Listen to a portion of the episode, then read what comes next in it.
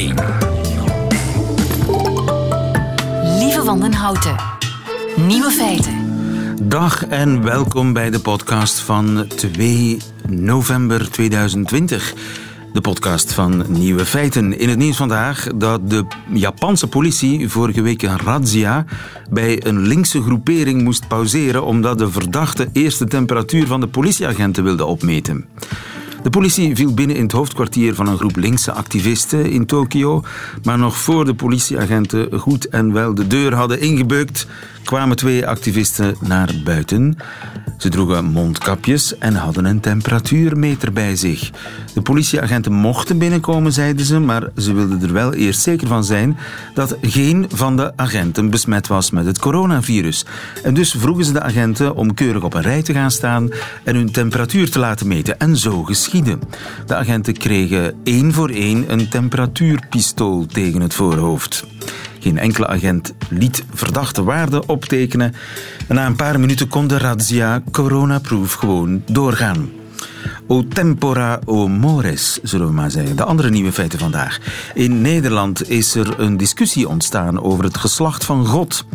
Is de Heere wel een heer? In Frankrijk is de samensteller van Le Petit Robert overleden, het equivalent van de Dikke Vandalen. De Vlaams-Amerikaanse comedienne Jovanka Steele voelt zich bijna familie van Biden en Trump. En hoe kwamen woorden als tafel en stoel ooit aan hun geslacht? De nieuwe feiten van Nico Dijkshoorn hoort u in zijn middagjournaal. Veel plezier. Nieuwe feiten. Lieven van den Houten. In Nederland is er een discussie ontstaan over het geslacht van God. Goedemiddag, dominee Zijbrand. Goedemiddag. Dominee Zijbrand van Dijk van de gemeente Roden-Roderwolde. U krijgt uh, een nieuwe Bijbel binnenkort, of misschien heeft u hem al. Het is een herziening van de Bijbelvertaling van 16 jaar geleden. Een nieuwe, nieuwe vertaling, zeg maar. Maar u bent er niet zo blij mee, begrijp ik. Nee, dat uh, klopt.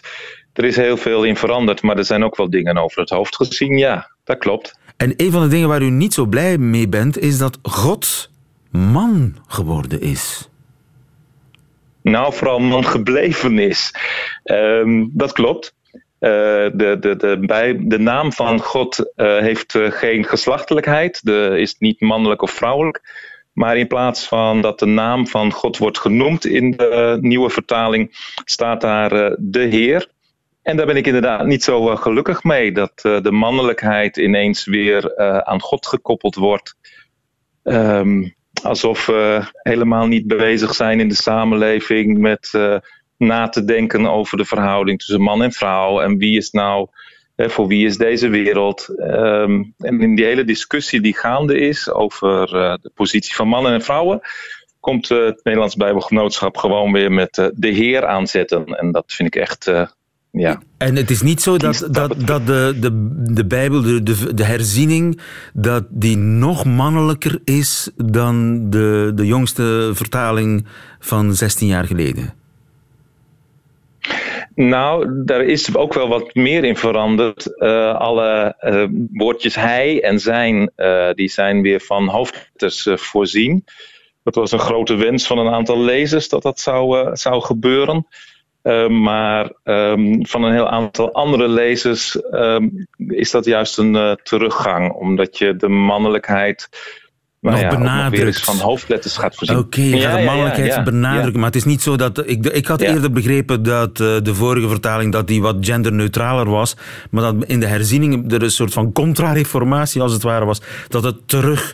dat, dat God na herziening mannelijker was geworden. Maar nee, u heeft er eigenlijk vooral moeite mee dat hij mannelijk gebleven is. U had gehoopt dat de MeToo-beweging dat die invloed zou hebben gehad in, op de. Maar ja, je, dat, dat heb je toch niet te kiezen? God is toch wie hij is? Ja, maar daar wordt natuurlijk wel wat meer over gezegd. Uh, in Genesis 1, de eerste bladzijde van de schrift, wordt al gezegd dat God mannelijk en vrouwelijk is. Um, daar begint God het al. wordt in Jesaja. Ja, ja, en dan wordt in begin... Jesaja wordt God. Ja. In het begin is al, God al tweeslachtelijk, bij wijze van spreken. Ja, ja, ja, ja. En je, je kan natuurlijk in je vertalingen heel erg kiezen van benadrukken we de, de, geslachtelijkheid of benadrukken we een ander aspect van, van God. Um, iemand reageerde dit weekend ook van, maar waar vader staat, uh, daar staat toch iets mannelijks. Ja, dat klopt, maar als je inclusief vertaalt, zou je daar heel goed ook moeder, vader kunnen vertalen. Het gaat niet om de geslachtelijkheid, maar om een verhouding tussen uh, ouder en kind bijvoorbeeld. Uh, dus je zou veel neutralere uh, woorden kunnen kiezen, veel, veel inclusievere woorden vooral. Ja, maar we, we, nu, we, we zeggen toch al honderden jaren: de Heer zijn met u? dat klopt. Maar we zeggen wel meer honderden jaren waarvan we nu toch ontdekken dat we daarin um, een, een, een, beeld schetsen wat, waar we niet meer achter kunnen staan. En, niet alleen in, hoe, niet hoe, alleen u, hoe zegt u dan de Heer zijn met u in uw gemeente? Um, de ene zijn met u, of de eeuwige zijn met u, de eeuwige, of de aanwezige zijn met de u. De aanwezige, de eeuwige, en wat was het eerste? De ene. De ene zijn ja, met dat u. Is niet, de eeuwige zijn met u. Niet, dat, dat, kan allemaal. Dat is niet mijn, eh, ja, dat kan allemaal. Want de naam van God uh, is. Uh, dat is het lastige van de naam van God, dat we altijd om die vertaling heen cirkelen. Van wat betekent het nou precies? Dus het is juist heel erg aan te bevelen om al die woorden ook te gebruiken. En niet exclusief de Heer. Ja. Wat er in de grondtekst ook gewoon niet staat. Dat is het hele punt natuurlijk. In de grondtekst staat, staat niet dat God een man is. Dat sowieso niet. Daar wordt niet zo heel veel over gezegd. Maar, er staat Yahweh en we weten natuurlijk niet welk geslacht Klopt. Yahweh heeft. Nee, precies, precies. Nou ja, daar zegt het Jodendom natuurlijk wel iets over. Die zegt uh, dat het eerste deel van Yahweh, JH, staat voor de mannelijkheid van God en het tweede deel staat voor de vrouwelijkheid van God. Dus als je de Joodse traditie volgt, is er natuurlijk wel iets over te zeggen. Ja, maar uh, u past in uw uh, eigen gemeente een soort, uh, ja, hoe, hoe moet ik zeggen, ontmannelijking? Dat lijkt wel een soort castratie, maar dat woord kunnen we natuurlijk niet gebruiken. Maar, ja, maar... Dat, is, dat, is, natuurlijk niet de bedoeling. Maar je, je, kijk, kijk, uiteindelijk gaat het niet zozeer om God zelf, want we kunnen natuurlijk niet zoveel met, met, met zekerheid over God zeggen. Het gaat natuurlijk uiteindelijk in je spraak om hoe zie je de verhouding tussen mensen en, en wie voor, voor wie is deze wereld en wie krijgt hier een plek? Ja. En dan wordt het wel heel belangrijk dat je in je, in je taalgebruik um, uh, inclusief bent. Dus dat je niet uh, voortdurend het hebt over hij of over vader of over de Heer, maar dat je daarin um, ruim, ik zeg ook wel zij als het om God gaat. Um, uh, en net, net als hij. En, nou ja, dat, dat wis, u wisselt dat af. U zegt af en toe zij tegen God. Ja. ja. ja. En uh, u, u staat daar. En het grappige, mag, mag, daar, Tuurlijk. mag ik er iets over zeggen? Het grappige, het grappige is dat als je dat doet, dat er dan andere emoties uh, bij mensen bovenkomen. Ook bij mezelf. Uh, alsof er een andere kant ook in jezelf open gaat wanneer je God aanspreekt met zij. Het voelt toch anders. Absoluut. Ja, natuurlijk. Het voelt anders. En u staat niet alleen met uw uh, ideeën en gevoelens. Er zijn meerdere nee. uh, dominees, nee. meerdere leden van de protestantse kerken in Nederland, die ervoor ijveren om in die zin ja. de Bijbelvertaling uh, te herzien. blijf even hangen, want wij zitten natuurlijk meer in de katholieke traditie. En wij hebben Rick Torfs ook aan de lijn, kerkjurist. Goedemiddag, meneer Torfs. Ja, oh ja. Goedemiddag. Meneer Torfs, is God een man of een vrouw? Wel, ik denk uh, op het moment dat we menen God te kunnen definiëren of beschrijven, mogen we zeker zijn dat we God niet te pakken hebben. Dus uh, um, ik denk dat geslachtelijkheid niet meteen iets is wat je aan God kunt toeschrijven. Dus God is non-binair? Ja, God is uh, geen mens. Hij is, hij of zij of whatever, is groter dan wij ons kunnen voorstellen. En juist allerlei mensen die menen hem helemaal te pakken te hebben en te kunnen begrijpen, denk ik, missen hem. Dus hij komt niet voor definities in, in aanmerking. En ik zeg nu hij, omdat ik moeilijk het kan zeggen, bijvoorbeeld. Ja. En ja, hij ja. iets neutraler klinkt um, in het algemeen dan zij. Maar dus ja, dat geslacht uh, vind ik. Uh, niet meteen een kenmerk van God, zeg maar. Maar de pastoor zegt toch altijd: De Heer zij met u? Zeker. Ja. En uh, hier hebben we te maken met versteende teksten ook, uiteraard. Uh, wat de Bijbelvertaling betreft, bijvoorbeeld, ben ik een voorstander van zo dicht mogelijk bij de tekst te blijven. Mensen hebben recht op een correcte vertaling. Dat vind ik een eerste punt. Maar wanneer het natuurlijk gaat over wat wij katholieke liturgie noemen of allerlei diensten die naar voren worden gebracht, daar kun je zeggen. Mogen christenen van allerlei plumage hun eigen accenten leggen. Wel is het natuurlijk zo dat in de katholieke kerk je een vrij vastgelegde liturgie hebt, met onder andere bijvoorbeeld het gebed het Onze Vader, dat zijn oorsprong vindt in Matthäus uh, 6, 9, 13 en in Lucas 11, 2, 4. Dat dus ja, een heel oud gebed is, dat wel tot de vaste liturgie behoort. Maar ondertussen kunnen in gebeden en op andere plekken, ook door priesters die het vrouwelijke belangrijker zouden vinden of vinden, dan weer andere accenten worden gelegd. En hoe leg je dat accent op vader dan? Om het is dat dan onze moeder die in de hemelen zijt? Uh, Wel nee, ik denk dat, dat als je het nu echt strikt uh, kerkrechtelijk bekijkt of naar liturgisch recht, is dat onze vader een gebed dat inderdaad versteend is en in die vorm deel uitmaakt van de liturgie. Het gaat ook terug op de woorden van Jezus. Ik denk niet dat we dat moeten proberen te ontkennen. Jezus was bijvoorbeeld wel een man, een historisch figuur en zo verder. Maar niks verhindert in die verkondiging, wanneer men spreekt over de traditionele God, God de Vader traditioneel, om daar ook op andere eigenschappen in te zoomen, omdat juist het geslachtelijke, uh, zoals net terecht werd gezegd, uh, uh, niet iets is wat echt wordt bepaald over God. En dat wordt ook niet, daar wordt ook niet de nadruk op gelegd. Dus en dat je wel die vrouwelijke aspecten naar voren kunt brengen voor mensen die dat belangrijk vinden. Anderen zijn dan ook weer niet verplicht dat te doen. Dus uh, er zijn heel vele kamers in het Huis van de Heer. Ja, inderdaad. En in het Huis van de Heer heb je ook bijvoorbeeld uh, Maria zitten. En als je heel erg...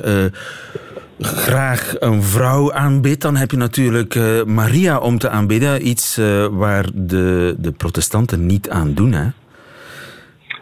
Uh, wel, je kunt over Maria eigenlijk zeggen dat uh, zij heel dikwijls, de, de, naam Maria Middelares komt uh, daar bijvoorbeeld ook vandaan, dat ze vaak de persoon was die bemiddelde tussen God, die ja, onkenbaar ver was, vaak een redelijk abstract figuur en waar wel wat een masculine cultuur impliciet werd mee verbonden aan de ene kant, en aan de andere kant inderdaad de behoefte aan menselijkheid, die zeker ook bestond bij gelovigen en waar Maria die rol speelde, tot ze misschien net iets te veel werd vergoddelijkt en ook wat uit het zicht verdwenen. En dan had je andere vrouwen, zoals Maria Magdalena, die gedeeltelijk die menselijke rol wat overnamen. Maar inderdaad, je zou ook kunnen zeggen dat het echt diep menselijke, ook in de katholieke traditie, vaak in het vrouwelijke te vinden is. En dat is uh, nu eenmaal bij de protestanten iets minder, maar daar wordt natuurlijk ook aan gewerkt. Vandaar de discussie over het geslacht van God. Dominee van Dijk, mag ik je veel succes wensen met uw, uh, ja, hoe moet ik dat zeggen? Uw strijd om God te vervrouwelijken. Om inclusiviteit. Ik zou zeggen om... Uh, en ik vind ook uw woord non-binair, daar uh, denk ik, daar gaat het vooral om. Dat je, mag ik nog één ding reageren van meneer Torfs, die Tuurlijk. zegt dat hij, zo dat hij zo neutraal is dat zegt natuurlijk heel veel over onze cultuur dat wij dat zo vinden. Maar dat is het natuurlijk Zeker. absoluut niet. Hij is natuurlijk direct een keuze voor de geslachtelijkheid. En misschien ontbreekt ja, ons wel een woord, ja. inderdaad, een, een non-binair Een non-binair woord, een hen of zo. Ja. Maar zij ja, is voorlopig minder neutraal. Maar ik, ik vind dat niet erg. Hè? Maar dus op het moment dat je zij zegt over God, dan ga je meer aan geslachtelijkheid denken. Hij, dan denk je er minder aan. Maar, maar misschien is dat, dat persoonlijk voor jou, Rick. Dat zou natuurlijk ook kunnen dat zij minder neutraal is dan hij. Maar ik stel voor dat we deze ecumenische discussie op een ander moment in een bosrijk gebied ja. tijdens een of ander symposium verder zetten. Dankjewel, Rick Torfs. En dominee Seebrand of Zijbrand van Dijk. Goedemiddag. Nieuwe feiten. Coucou de France. Met Alex Visorek. We zitten in hetzelfde schuitje. Frankrijk in lockdown, België in lockdown. Maar er zijn toch verschillen en daarover praat ik met mijn collega en landgenoot collega bij Radio France, Alex Visorek. Goedemiddag, Alex. Goedemiddag, lieve. Ik weet dat november de boekenmaand is bij de VRT. Absoluut. En dat de boekenwinkels in België open mogen blijven, maar zo is het niet in Frankrijk tijdens deze nieuwe lockdown. En dat is niet het enige slechte nieuws voor de Franse taalliefhebbers. Deze week moesten ze afscheid nemen van Alain Ray, Alain 92 jaar. Oh, Ja, Alain Ray. Eh, hij was de bekendste taalkundige van Frankrijk. Hij heeft zelfs het eh, leven van alle Fransen beïnvloed. Alain Ray is inderdaad de vader van het bekendste Frans woordenboek Le Robert. Ah. Een monument, zoals de Vandalen voor jullie.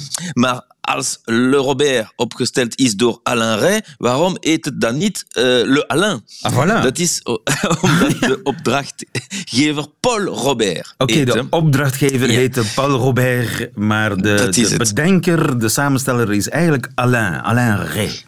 Ja, dat is het. In de jaren 50 stelde hij een team van een paar jonge taalkundigen samen om een deftig woordenboek te maken. De Fransen zijn altijd met veel bescheidenheid gefascineerd geweest door hoe mooi hun taal is. En deze fascinatie wordt vaak gepersonifieerd door mediafiguren. Een van die figuren is Bernard Pivot, de Ah, voilà. Monsieur Literatuur op tv. Maar Apos, ook de maker... apostrof heette dat programma toch? Ja! Apostrof. Apostrof bekende mm, literaire tv-show. En ook La Dictée de Bernard Pivot, eh, of met andere woorden, het groot dicté, maar in het Frans. Neem maar een, pen, een papier, lieven, en we gaan. Manuscrits médiévaux et fricando. Fricando. Palimpseste minoen Bon. et courbouillon. In folio et soliles. Soliles. In heb er folio niets e van solil, soliles. Soliles Ik begin er niet aan. Het is echt. O-niveau, hè, dit. O-niveau, inderdaad. Maar toch probeerden vele Fransen voor hun televisie om geen fouten te maken. De Franse taal is zoals een spel. Daarom zijn er veel tv-quizzen die over taal gaan. En er kon geen tv-quiz over de Franse taal gaan zonder Maître Capello. Maître Capello, c'est Jacques Capellovici, un ancien professeur, agrégé d'anglais, certifié d'allemand, diplômé d'italien et de scandinave ancien. Wow. Tête. Een tijd zeg dat wel. Een professor met diploma's. Wat was het ook alweer? Engels, Duits, Engels, Italiaans en eh Scandinaaf Oud-Noors. ancien oud-Noors, inderdaad. En dan eh, Ja. tv-presentator worden. Ja, in Frankrijk moet je meer diploma's hebben om spelletjes te presenteren dan om president te zijn. Maître Capello was een genie in Hij wist alles over woorden, net zoals Alain Ray. En een wandelend woordenboek. Als je de bekentenis of de oorsprong van een woord wilde kennen, kon je Le Robert open doen. Of gemakkelijker, het aan Alain Ray vragen. Bijvoorbeeld het woord gargouille, Gargouille. water, waterspuwer op een kerk is. Ainsi, prenez le mot gargouille. Le gouille en question, c'est une variante de goule. Et goule, c'est la gueule. C'est aussi une autre variante. Donc, c'est un mot régional qu'on va retrouver d'ailleurs dans le sud de la France sous la forme de la gargoulette. Voilà, maar begrijp je dat het dan toch lang kon duren? Het eh, kon dat eh, voor alle woorden de oudste, de moeilijkste, maar ook de modernste. Ondanks zijn 92 jaar was hij nog altijd in touch met de taal van tegenwoordig. Taal verandert altijd en woorden zijn zoals mensen. Ils immigrent, ils émigrent, euh, ils se perdent, euh, ils font du tourisme. Parfois, ils restent pas dans les endroits où ils vont. Ja, het lijken wel mensen, ze migreren worden, ze doen aan toerisme, ze blijven niet waar ze aangekomen zijn. Ja, toen Le Robert voor het eerst eh, verscheen, noemden sommigen het het eerste woordenboek van links. Het was een woordenboek dat de taal van vandaag wilde volgen en dus open stond voor nieuwe woorden uit Quebec, Maghreb, Afrika. Ook Belgicisme. Aha. Le Robert is een woordenboek waar je de betekenis van brol of frikadel in terugvindt. En ook namen van Engelse oorsprong die het Frans eh, binnentreden. Nu, die zorgen wel vaker voor debat. Eh, veel mensen denken bijvoorbeeld dat hashtag niet in een Frans woordenboek hoort, maar eerder een vertaling zoals mot dièse.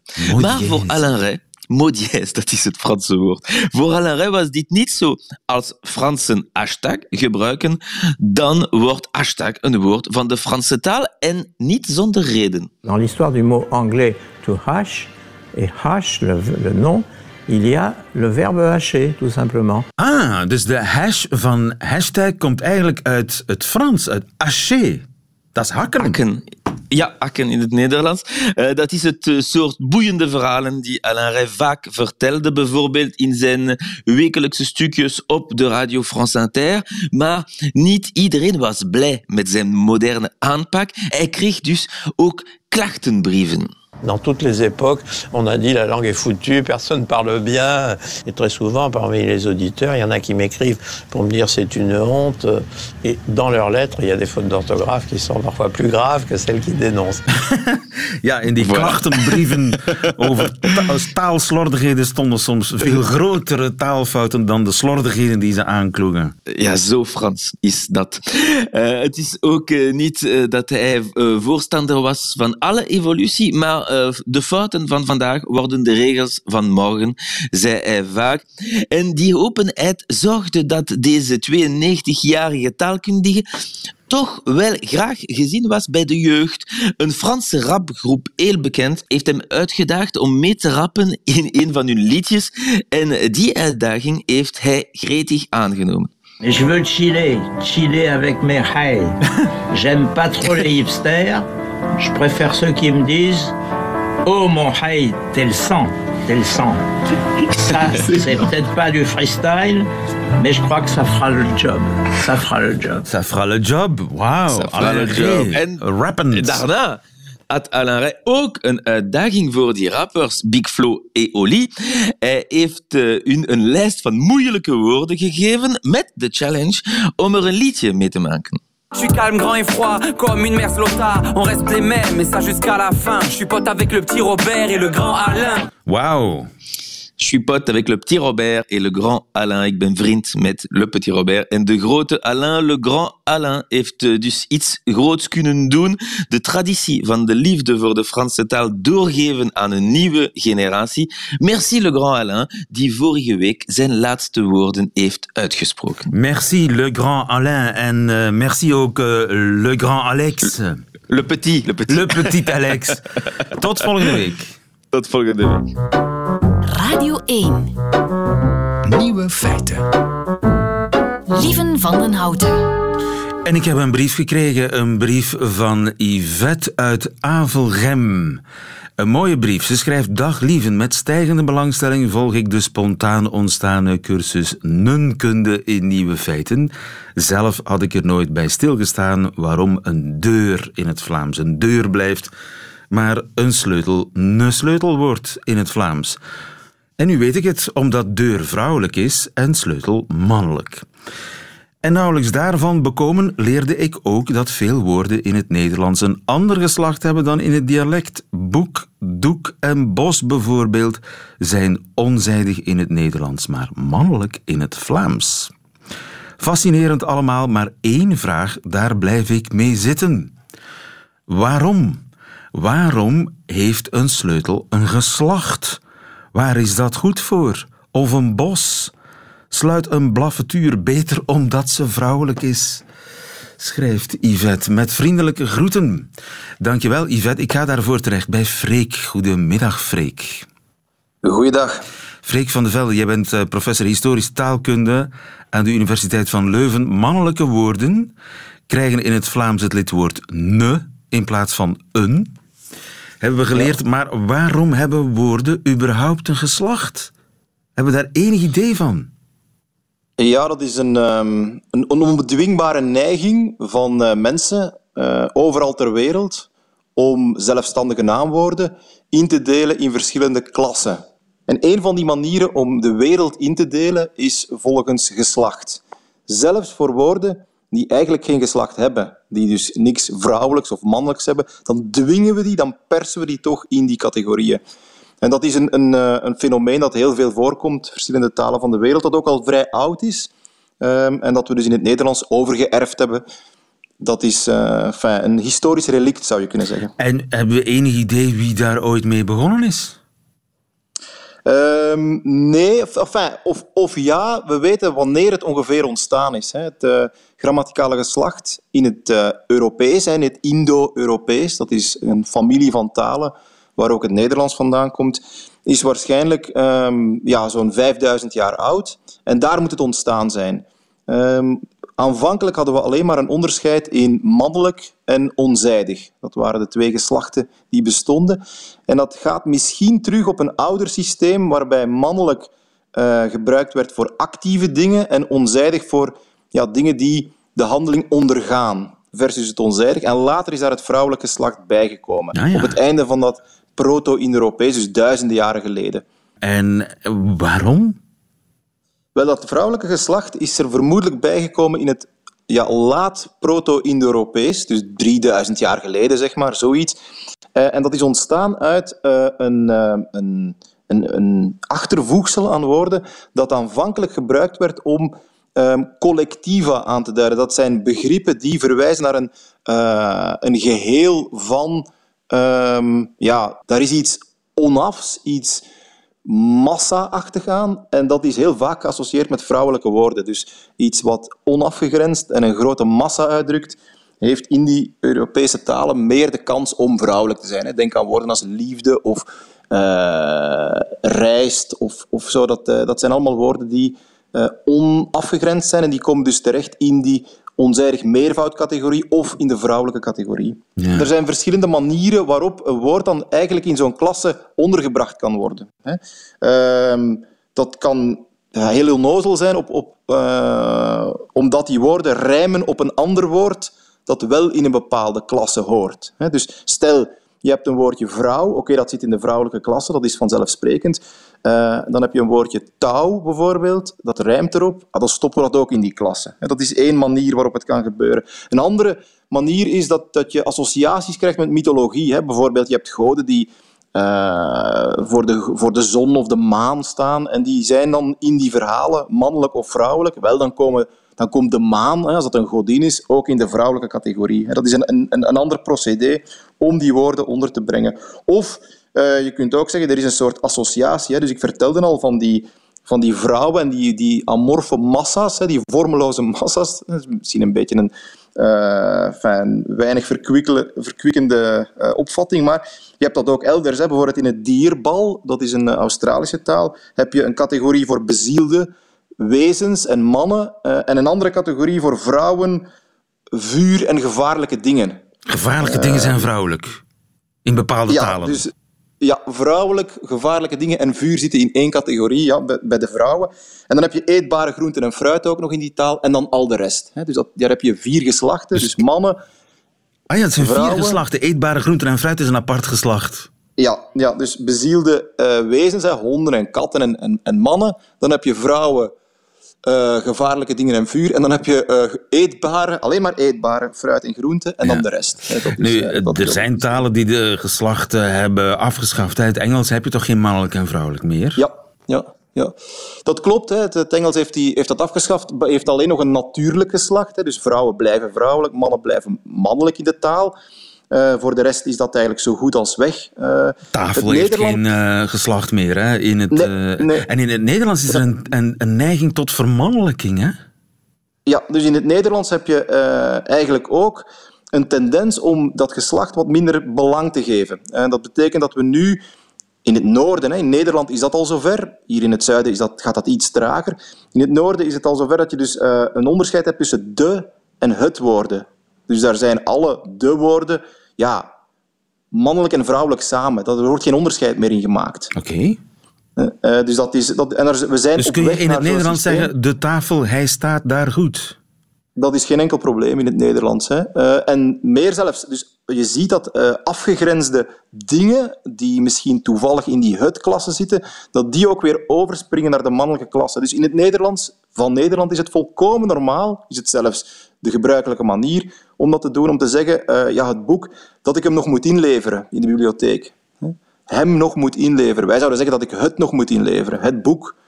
Uh, dus je ziet, ja, boek is iets wat je kunt vastnemen, dus dat hoort bij die mannelijke categorie.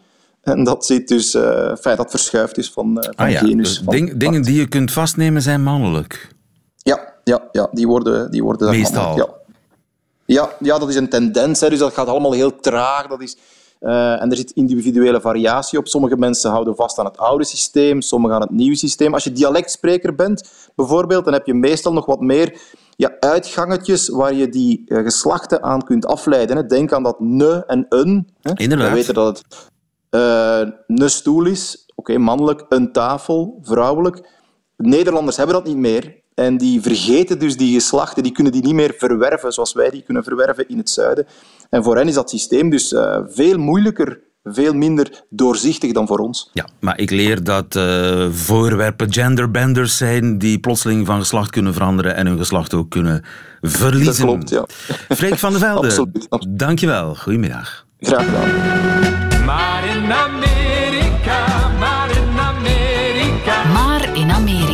So insane. Met Jovanka Stiel. That was good. En het wordt alsmaar spannender. We blijven aftellen naar de Amerikaanse verkiezingen met onze Amerika-watcher, de Vlaams-Amerikaanse comedienne Jovanka Stiel. Goedemiddag, Jovanka. Goedemiddag, lieve. Jovanka, als ik jou nu eerlijk vraag, hoe kijk jij nu naar die beide kemphanen op leeftijd? Uh, voor mij voelen ze allebei een beetje als familie aan. Als familie? Dat klinkt positief. Ik bedoel eigenlijk dat ze mij doen denken aan twee zate nonkels op een familiefeest. Want je, weet, ja, je weet nooit of ze iets gênants zeggen of dat ze plots een racistische mop gaan vertellen. Ja, maar Joe Biden, die vertelt toch nooit racistische moppen, neem ik aan.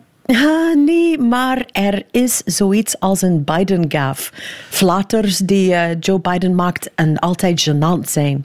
Eh, hij zei bijvoorbeeld... Poor kids are just as bright and just as talented as white kids. Poor kids are just as bright and talented as white kids. Oei. Arme kinderen zijn even slim en getalenteerd als witte kinderen. Dat is wel redelijk eh, erg. Ja, en dit is wat Nonkel Joe zei tegen een journalist van CBS toen die vroeg of hij een cognitieve test wilde doen. Why the hell would I take a test? Come on, man. That's like saying you, before you got in this program, if you take a test where you're taking cocaine or not, what do you think, huh?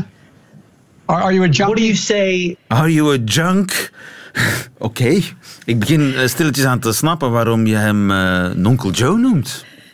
Maar pas op, lieve, Nonkel Donald is ook heel goed in flatters slaan. Maar zijn specialiteit is de backhanded compliment. De backhanded compliment, wat is dat ook alweer? Ah, dat begint als een mooi compliment, maar eindigt als een lelijke belediging. Hij, hij zei bijvoorbeeld dat Joe Biden een goede vicepresident was. Dat is toch een mooi compliment? En daarna zei hij dit. He was only a good vice president because he understood how to kiss Barack Obama's ass. Oef. Ik denk dat Nonkel Donald soms vergeet dat andere mensen hem kunnen horen als hij spreekt. en dit zei hij een tijdje geleden toen president Macron iets vertelde tegen de pers. This is why he's a great politician, because that was one of the greatest non-answers I've ever heard. That was one of the greatest non-answers I've ever heard. Dat was een van de beste non-antwoorden ooit. Oei, arme Macron.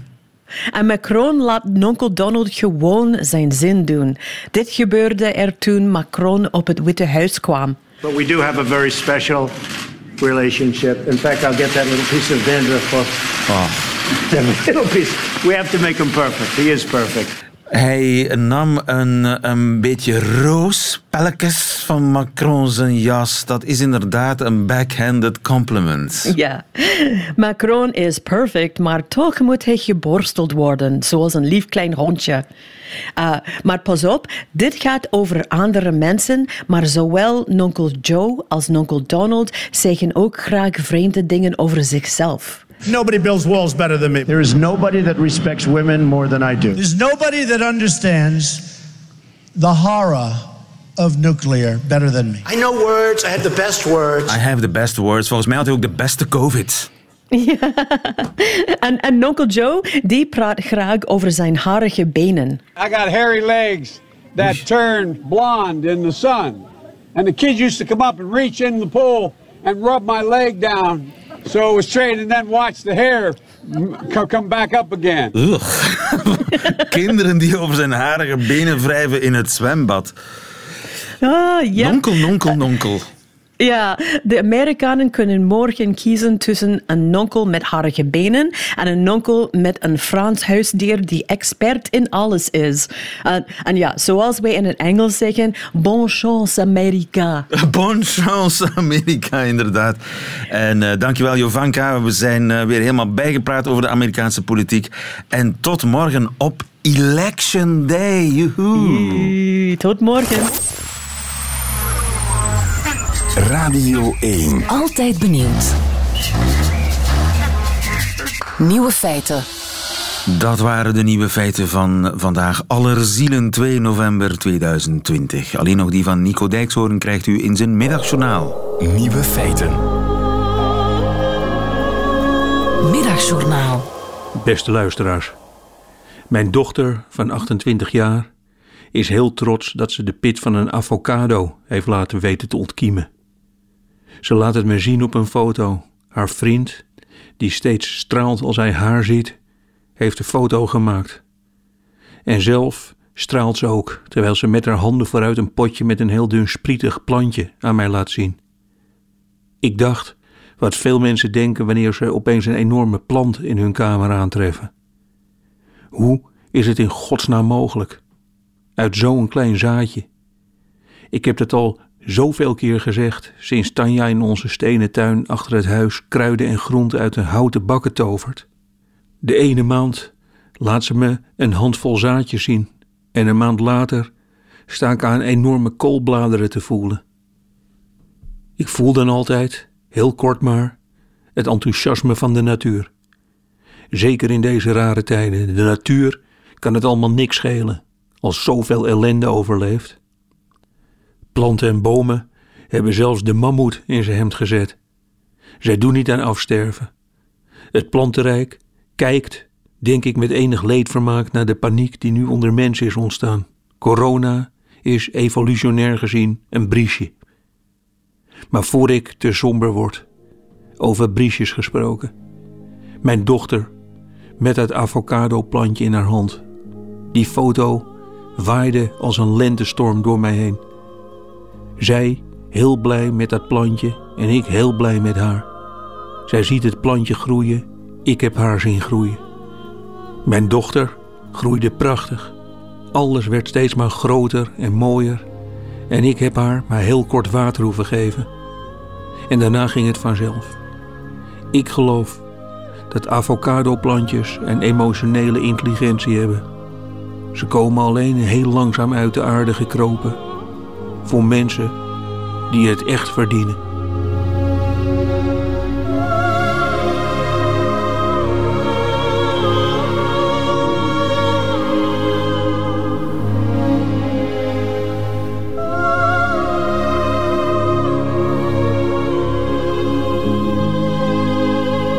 Het middagjournaal met Nico Dijkshoorn. Einde van deze podcast hoort u liever de volledige nieuwe feiten. Dan kunt u terecht op onze website radio1.be of op onze app. Daar vindt u overigens nog veel meer fijne podcasts op de app van Radio 1. Tot een volgende keer.